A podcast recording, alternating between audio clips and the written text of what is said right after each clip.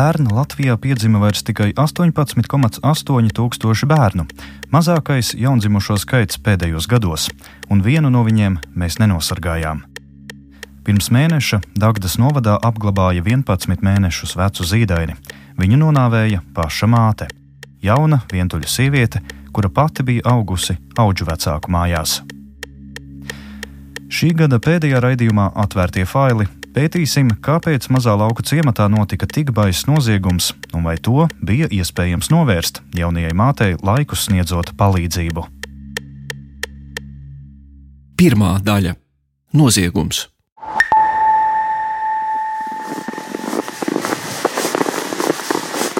Piesniedzis zemes ceļš ievada skujkoku mežā. Te valda krēsla un miers. Sajūta, ka nolīkušie egļu zari pasargā no visām nebūšanām, kas palikušas ārpus meža biezokņa. Tomēr šis mežs ezerniekos, Dāngdas novadā, glabā kādu drūmu liecību. Vēlā Latvijas dienas vakarā policisti te atrada nepilnu gadu vecu zēnu līķi, ieliktu plastmasas maisā, paslēptu zem plānas zemes un zaru kārtas. Valsts policijas preses relīze par traģisko notikumu ir ierasti lakoniska un skopa. Ziņu, ka kāda sieviete nogalinājusi savu pērndzimušo bērnu, policija saņēmusi 11. novembra vakarā pēc pulksten septiņiem. Ierodoties meža masīvā, policisti atraduši bērna līķi, nekavējoties aizturējuši bērna māti, kura atzinusies, ka zēnu nožņaugusi, ielikusi maisiņā un bērnu ratiņos aizvedusi uz mežu. 22 gadus vecā sieviete iepriekš policijas redzeslokā nav bijusi. Lai sargātu sievietes privātumu, īsto vārdu neminēsim un sauksim viņu par Inesi. Normāli adekvāta sieviete, pateiksim tā. Raksturo Krāslavas iecirkņa krimināla policijas nodaļas priekšnieks Artūrs Plinta. Viņš ir viens no likumsargiem, kas šķetināja drūmā novembra vakara notikumus.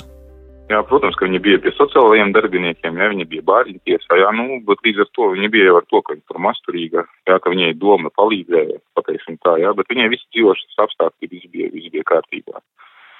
Sociālajie dienesti viņai palīdzēja, bāriņu tiesa viņai palīdzēja, jā, nu, kā māte viena audzina bērnu, līdz ar to viņa arī ir viņu redzes lokā. Inese bija precējusies, kad piedzimis bērns, kā saka policists, ģimenes dzīve laikam neaizgāja cerētajā vilnī un pāris izšķīrās. Kāds bija jaunās sievietes psihiskais stāvoklis, kad viņa pastrādāja noziegumu, to noteiks eksperti. Pašlaik ir nozīmētas visas nepieciešamās ekspertīzes. Un viena no galvenām mums ir kompleksā tiesu psihologa psihiatriskā ekspertīze, jā, ar mērķi noskaidrot, vai sieviete bija slima vai ar kādu psihisku slimību vai bija kādi citi psihiski traucējumi, vai sieviete bija pieskaitāma nodarījumu izdarīšanas brīdī. Ja? Nu, šobrīd tas ir viens no galvenajiem jautājumiem, lai mēs varētu lemt tālāk par šī procesa virzību. Ekspertīzi veiks vairāki ārsti Rīgā, psihiatriskajā slimnīcā. Pagaidām tas vēl nav noticis, jo lieta gaida savu rindu.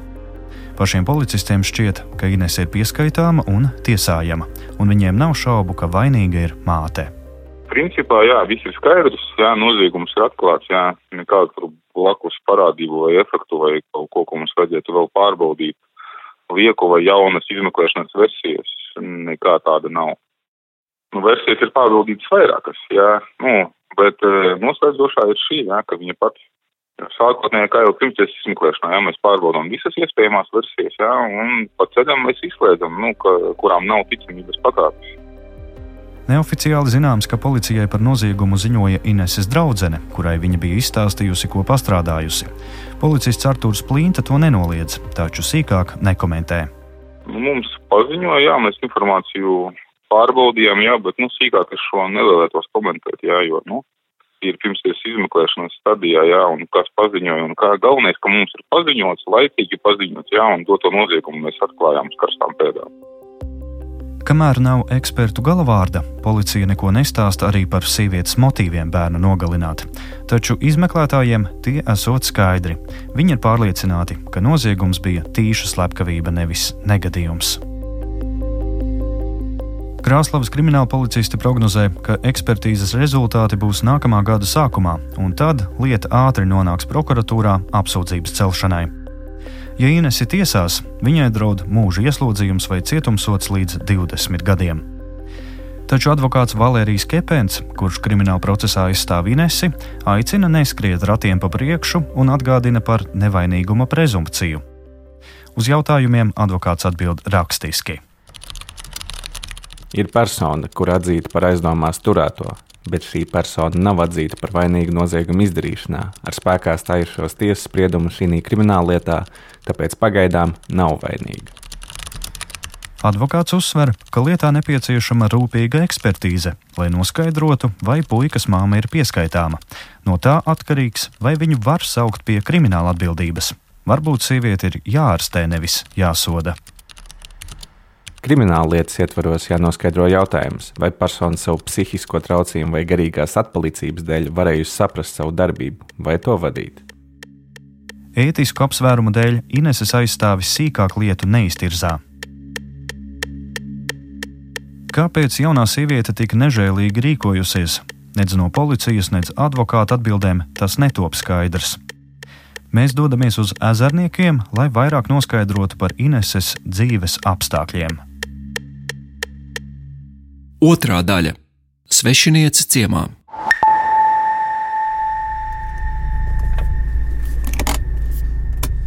Ezernieki ir skaists ciemats Eša un Udrijas ezeru krastos, netālu no vietas, kur Latvija robežojas ar Baltkrieviju un Krieviju. Dienā, kad te viesojamies, ciemata klāja plāna sniega sega ir neliels sals.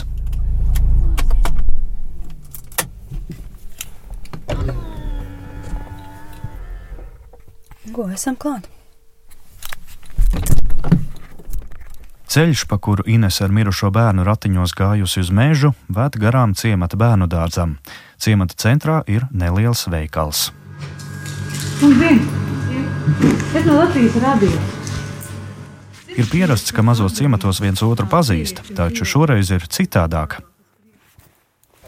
Labdien! No Latvijas radio Zana Mača. Es esmu atbraukusi beidzot. Jūs, laikam, neesat uz vietas. Ezernieku centrā mums ir sarunāta tikšanās ar pagasta pārvaldes vadītāju Jāni Anģānu. Covid-19 pandēmijas dēļ pagasta ēka ir cieta. Pie nama nelielus darbus veids saimniecības pārzinis, kurš stāsta, ka pagastā bijis tikai viens koronavīrusa slimnieks - bērnu dārza audzinātāja. Viena bērnu grupiņa nosūtīta karantīnā, bet citādi sērga miestiņā nav ielauzusies. Terzējam un gaidām, kad atbrauks pagasta vecākais. Sveicināti! Nu, jūs būsiet. Jā, Jā. Es, es tā pa, lielam apstākļiem, pa detaļām nezinu, es cilvēkam te nav kā kolēģi. Arī diez vai kaut ko zina. Nu jā, pa lielam. Tā, nu ar ko mēs varam palīdzēt?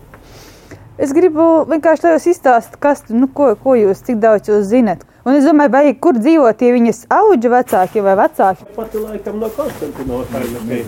Jā, bet to zināt, es domāju, ka Dagdā vislabāk tur būtu tā bērnu tiesa vai un sociālais. Jā, Jā, tie varētu kaut ko konkrēti, jo no viņiem bija tur tā doma viņu iemitināt te.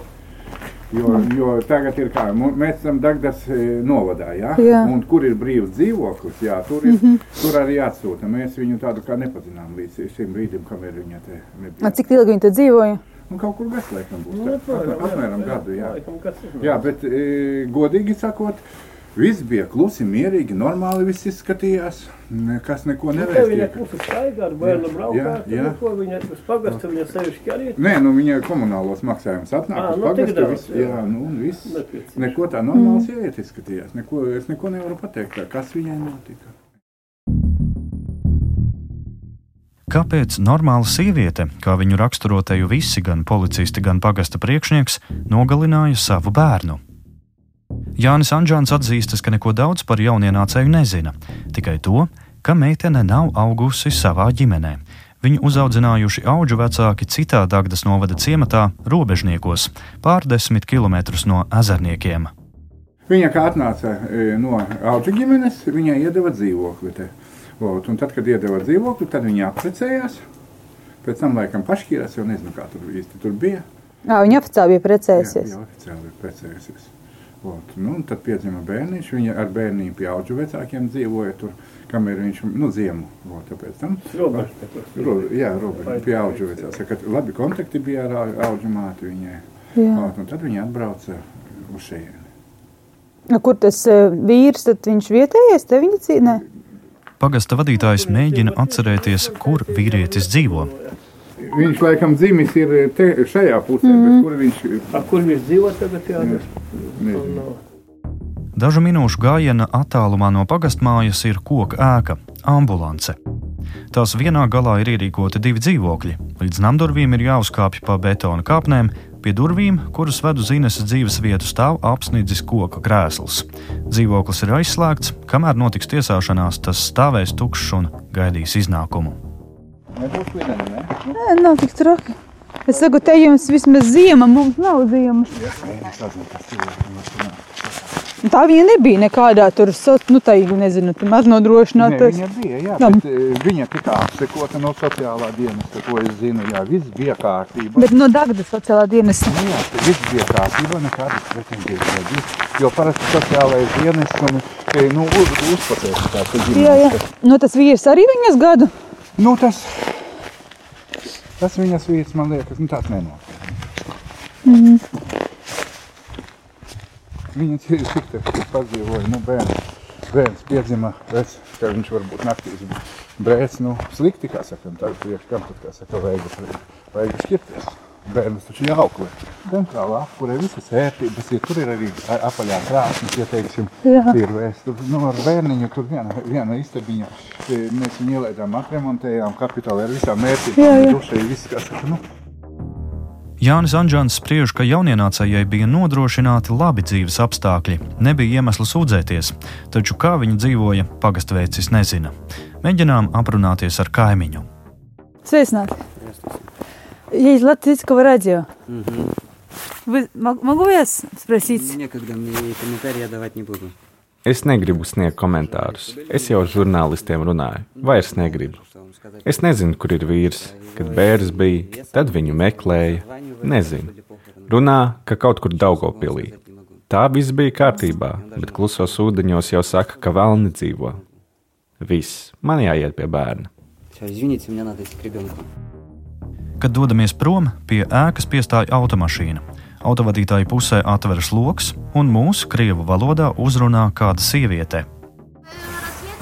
Da. Viņa saka, ka ir Ineses kaimiņa māsa Valentīna. Tikko esam da. runājuši ar viņas brāli.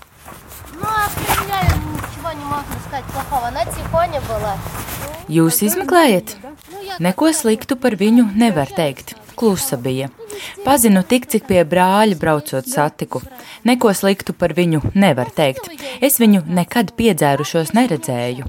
Būtu viņa slikta māte, viņa neietu pīpēt ārā, bet viņa vienmēr izgāja ārā, papīpēja un iegāja mājā.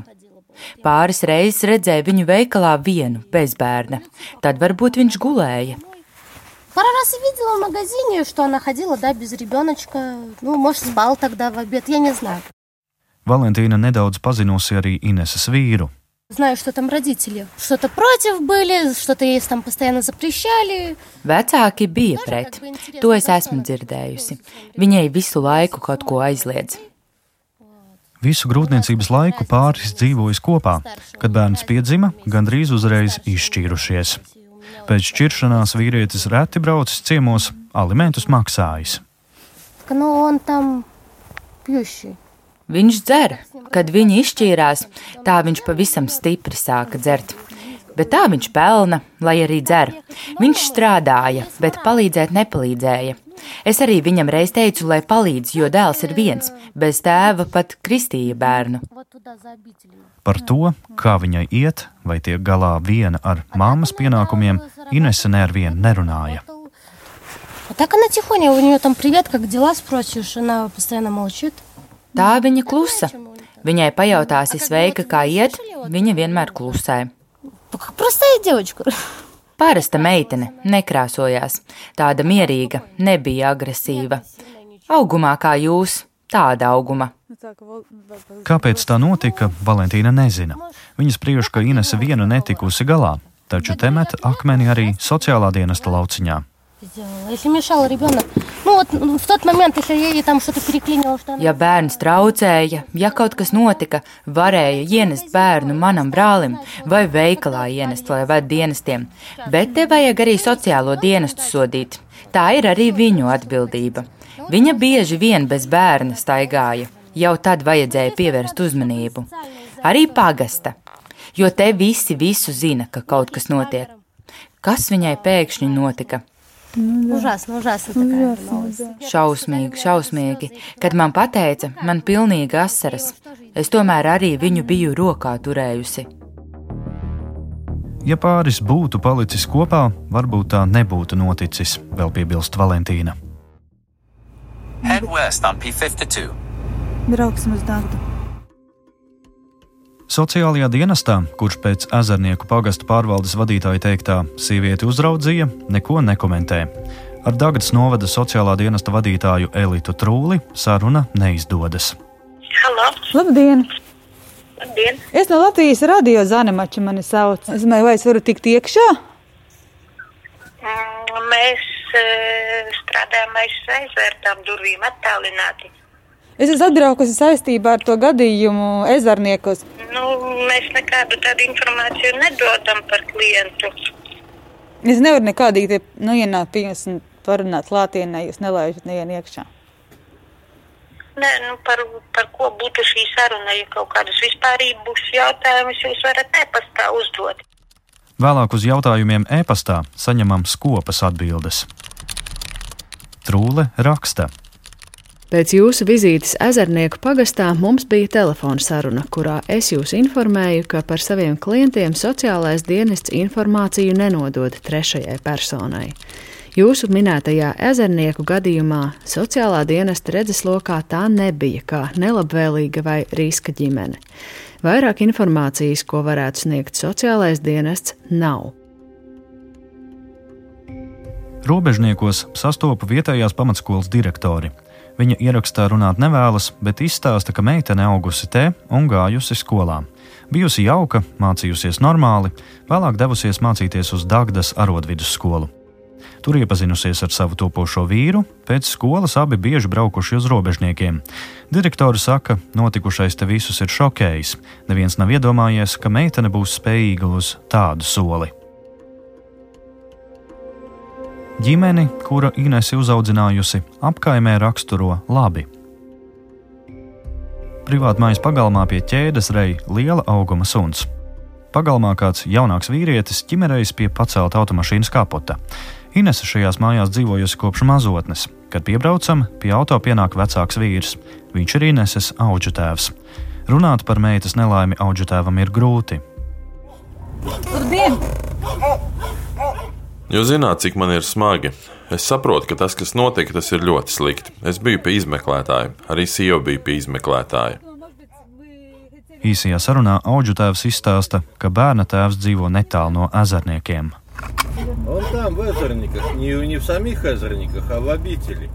Ne pašos ezerniekos, bet blakus miestiņā abi ceļi. Viņš nodzēra bērnu naudu, viņš viņus pameta, atstāja bez kapeikas.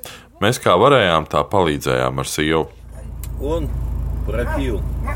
Супруга инвалид второй группы, я инвалид второй группы. Mēs abi ar sievu esam otrās grupas invalīdi. Kā varējām, tā palīdzējām. Bieži uz šejienes brīvdienās brauca. Sākumā te dzīvoja, bet tad nolēma pati, patstāvīgi. А как долго она у вас вообще жила? Kopš četru gadu vecuma mēs viņu paņēmām no bērnama, pajautāšu sievai, varbūt viņa runās. Taču pēc brīža auģu tēvs atnāk un atvainojas. Sieva nejūtas labi, tāpēc pagaidām runāt par notikušo nevēlas. Abi ļoti pārdzīvo meitas un mazdēla likteni. To, kas īsti notika Latvijas dienas vakarā, zina tikai pati Inese. Taču pēc sarunām ar vietējiem paliek iespējas, ka par viņas smago situāciju apkārtējie nojauta. Sačukstējās par kluso meiteni ar zīdaini, kuru vīrs pametis, bet lielu uzmanību viņai nepievērsa. Tāpat kā sociālais dienests, kurš acīm redzot uzskatīja, dzīvoklis ir, tā tad nav par ko sūdzēties. Trešā daļa - motīvi. Gadījumi, kad vecāki nonāvē savus bērnus, Latvijā ir reti.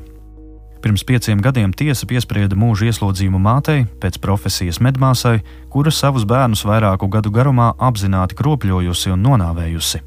Divi viņas bērni nomira, bet viens zaudēja redzi. Psihologi sprieda, ka māte visticamāk sirga ar deleģēto Minhausena sindromu. Tas ir tieksmi radīt kaitas, kuru reāli nav. Savukārt prokuratūra uzskatīja, ka noziegumiem bija mantkārīgs motīvs. Par sakropļotajiem bērniem sieviete saņēma invaliditātes pabalstus un citu sociālo atbalstu. Pēdējā desmitgadē vēl ir tiesāta māte, kura kopā ar patēvu līdz nāvei piekāva astoņgadīgu zēnu. Remdējot izsalkumu, bērns bez atļaujas bija izēdis ievārījuma burciņu. Toreiz atklājās, ka sešu bērnu ģimenes vecāki jau iepriekš bija tiesāti. Patēvs par slepkavību, māte par smagu miesas bojājumu nodarīšanu. Daudz bērnu ģimene bija sociālo dienestu uzraudzībā. Visus šos gadījumus vieno tas, ka ģimenes atradās dažādu dienestu redzeslokā, un tomēr nelaime piezagās nepamanīta. Ezerniekos prāto, ka bērns Inesei varbūt traucēja jaunām attiecībām. Viņa apmeklējusi interneta iepazīšanās vietnes un jauno māmiņu satikt braukuši vīrieši. Policija un advokāts šo versiju nekomentē. Par iespējamiem iemesliem, kas māti var pamudināt nogalināt savu bērnu, runājam ar psiholoģiju un psihoterapeiti Diānu Zandi. Viņa min depresiju šobrīd arī uh, atkal jau neapstrīdamie pētījumi, tātad meta-analīzes. Ir skaidrs zināms par to, ka grūtniecības laikā um, pieaug risks, paaugstinās risks sievietei un arī vīrietim, arī topošajiem tētim, izjust vērā ņemamas depresijas simptomus. Vieglākā formā pēcdzemdību depresiju izjūt apmēram 15% sieviešu, un tā nav kas tāds, ko jaunā māte izvēlas. Depresija saistīta ar fizioloģiskām izmaiņām.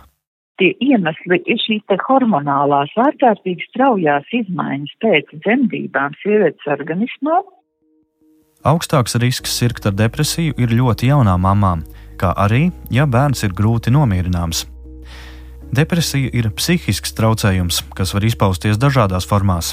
Cilvēks vairs nejaudā izdarīt it kā pašsaprotamas lietas, piemēram, nespēja saņemties, ieiet dušā vai izķemmēt matus. Viņu moka nogurums, lai gan ir gulēts, vai nespēja iemigt. Sekas var būt arī ļoti smagas. Un tādas ļoti nelabas domas par sevi, ka es esmu slikta vai slikta, es esmu nederīga, uh, manis dēļ bērnam ir slikti, un trakākajā gadījumā, trakākajos gadījumos ir vēlme nodarīt pāri bērniņam, viņam nav labi dzīvot šādā pasaulē, vai arī vēlme nodarīt pāri sev, un pašnāvības domas būtu labāk, ja manis nebūtu. Smagākā formā var sākties pēcdzemdību psihoze. Šajos gadījumos sieviete patiešām var būt bīstama sev un arī mazulim. Ezenieku gadījumu Zande nekomentē, jo nav ar sievieti runājusi un šo lietu pētījusi. Taču norāda, ka depresija var attīstīties gan uzreiz pēc dzemdībām, gan vēlāk, jebkurā laikā bērna pirmajā dzīves gadā, un to var izprovocēt kāds negatīvs pavērsiens. Un bieži sabiedrība saka, ka tur viss bija kārtībā. Nevis tur viss bija kārtībā, bet mēs neredzējām to, ka nav kārtībā. Pēcdzemdību depresija ir temats, kas mūsu informatīvajā telpā ir ienācis salīdzinoši nesen. Turklāt daudzi uzskata, ka tā ir iedomāta slimība. Psiholoģija Diana Zande mudina problēmai pieiet sistēmiski. Vairāk runāt par šo tēmu, veidot informatīvas kampaņas, izglītot sabiedrību un speciālistus es vienkārši minēšu Lielbritāniju, ir vadlīnijas, kā strādāt ar jaunajiem vecākiem, kā strādāt, kā tā saucamie health practitioner, kas iet uz mājām pie mamām pēc bērniņa piedzimšanas, kā viņi noskaidro, vai mammai ir vai nav šīs depresijas iezīmes, kā nodrošina momentālu atbalstu tīklu palīdzību. Labklājības ministrijā gan uzskata, ka katrai problēmai savu programmu neizveidot, tāpēc ir sociālai dienesti. Diana Zanda iebilst, tā nav pareiza pieeja. Ar sociālajiem dienestiem nepietiek, sevišķi laukos, kur cilvēki dienestiem bieži neusticas, jo nejūt, ka tajos ievēros konfidencialitāti. Vispirms par šo ir jāizglīto vecmātes, ārsti, ģimenes ārsti, visi tie, kuri redz šīs sievietes un šos vīriešus, lai saprastu, ka, hei, te kaut kas nav kārtībā, ka tev vajag palīdzību un ka ir jau gatavs vairāk vai mazāk tā kā soļu plāns, valstī, kurā ir 20 tūkstoši bērnu gadā, tiešām mums šim nav jāpievērš uzmanība, kas par absurdu, jo tā nav katra problēma. Slimību profilakses un kontrolas centrā noskaidrojām, ka tas sācis veidot informatīvus materiālus par pēcdzemdību depresiju. Kopā ar dažādu jomu speciālistiem pašlaik tiek vākti materiāli. Kad varētu būt taustāms rezultāts, centrs neprognozē. Ineses gadījumā būtisku lomu vēl varēja spēlēt tas, ka viņa, kā juridiski saka, bija ārpus ģimenes aprūpes bērns. Sākot pastāvīgu dzīvi, šiem jauniešiem nereti nav kas palīdz norientēties lielajā pasaulē. Pēc likuma pašvaldības sociālajiem dienestam vismaz divus gadus pēc pastāvīgas dzīves sākšanas vajadzētu sniegt viņiem psihosociālo atbalstu. Taču tiesības sargs pirms diviem gadiem veiktā pārbaudē secināja, ka bieži vien šīs atbalsts ir formāls. Vai Inesē bija kāds mentors, mums nav zināms. Atgādināsim, ka Dāngdas sociālais dienests no sarunas atteicās. Bet tam būs jāatskaitās Labklājības ministrijai, kas pieprasījusi informāciju par to, kā sociālais dienests ar ģimeni strādājis. Ministrijā gan norāda, ka cilvēkiem, kuriem nepieciešams atbalsts, sociālajā dienestā ir jāvēršas pašiem. Tad kopā ar sociālo darbinieku var meklēt problēmas risinājumu. Tomēr ministrija piekrīt, ka ar sociālajiem dienestiem ir problēmas, Pirmkārt, trūksta darbinieku. Otrakārt, sociālie darbinieki pašlaik dzēš ugunsgrēkus, nevis strādā preventīvi. Problēmas laikus nepamana, jo klibo sadarbība ar citām iestādēm - ģimenes ārstiem, skolu, bērnu dārzu.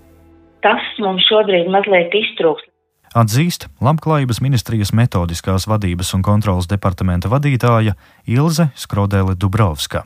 Tas skaidrojums, ja, ka dienests, protams, var to neieraudzīt, jo tā konkrēti mammīte ar bērnu atnāk, viņi varbūt ir bijuši pabalstu saņēmēji. Viņi atnāk tajā brīdī, viņi ir komunicējami, ar viņu var visu izrunāt, un viss ir kārtībā. Bet to, ko viņi izdarīs vakarā, kāda ir situācija, dienesta darbinieks jau nav 24-7 klāti. To, vai Inesē bija kādi psihiski traucējumi un kādu notikumu ķēde izraisīja noziegumu, rādīs ekspertīze un tiesvedība taču dažus secinājumus var izdarīt jau tagad. Traģēdija neapšaubāmi rāda, ka jaunajai vientuļajai mammai vajadzēja palīdzību. Tikai neviens to nepamanīja, un viņa neatrada citu risinājumu, kā nogalināt pašas bērnu. Turpina psiholoģe Diana Zande.